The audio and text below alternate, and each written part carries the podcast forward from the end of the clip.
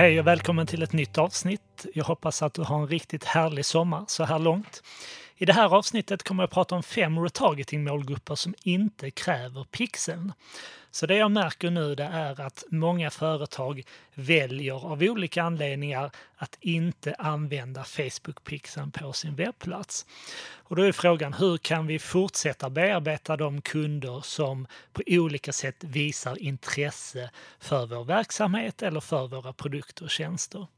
Så att i det här avsnittet kommer jag gå igenom vilka de här retargeting-målgrupperna kan vara som du istället kan använda för att fortsätta bearbeta dina kunder och inte vara beroende av pixeln som du installerar på företagets webbplats. Utan det finns en mängd andra målgrupper som du kan använda. Jag tänkte gå igenom och titta lite närmare på de här olika möjligheterna.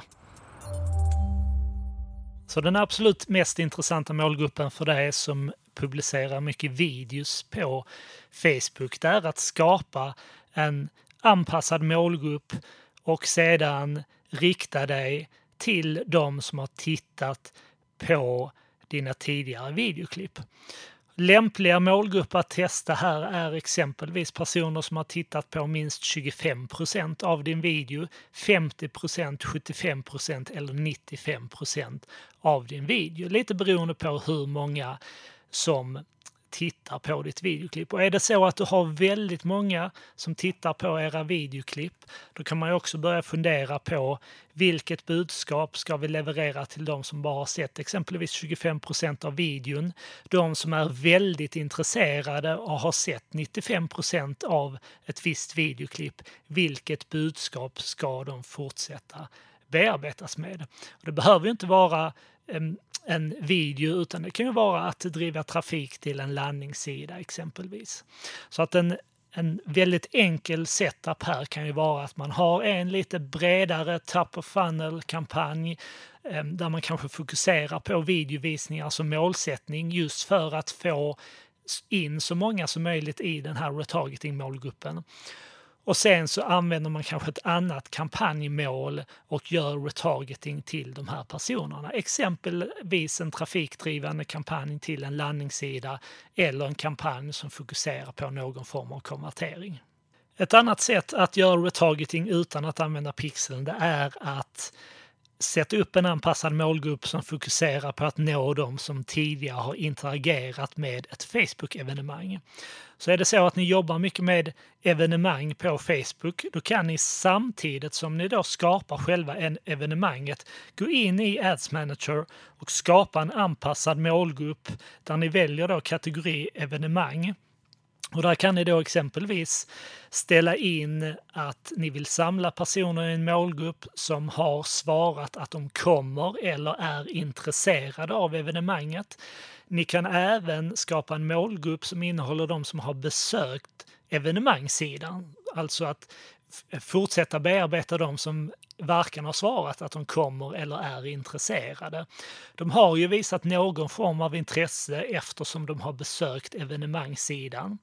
För dem kan ni exempelvis göra en retargeting-annonsering som påminner dem om evenemanget eller som påminner dem om att gå till en landningssida där de ska anmäla sig exempelvis. Så att förutom då video, ett annat sätt att nå personer som tidigare har interagerat med er på Facebook, det är att använda evenemangsfunktionen och sedan då göra retargeting på de som på olika sätt har interagerat med era evenemang.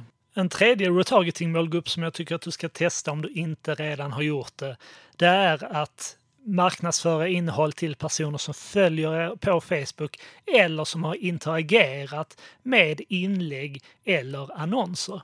Det kan ju vara så att man kör mycket annonser i sociala medier men där eh, kunderna av olika anledningar kanske inte klickar sig vidare till den landningssida som man vill att de ska klicka sig vidare till. De personerna kan man återmarknadsföra innehåll till genom att använda det alternativet som heter personer som har interagerat med inlägg eller annons. Och på det sättet kan vi göra retargeting till personer som har interagerat med exempelvis ett organiskt inlägg från vår sida eller personer som har interagerat med en annons utan att de har klickat in på vår webbplats. Så den här är superintressant. Det här får man ju kalla är någon sorts eh, middle of funnel-målgrupp. Eh, eh, det är personer som troligtvis känner till er sedan tidigare. Det är personer som kanske med hög sannolikhet kommer att genomföra den konverteringen som ni önskar. Så testa att rikta era annonser till personer som redan följer er eller personer som har interagerat med era kanaler på Facebook eller Instagram. En fjärde retargeting-målgrupp som ni kan testa det är om ni använder så kallade lead-formulär på Facebook eller Facebook Lead Ads som det också kallas. Det här är en särskild annonstyp där man istället för att driva trafik till en landningssida där kunden fyller i ett formulär så får de ett formulär direkt i annonsen.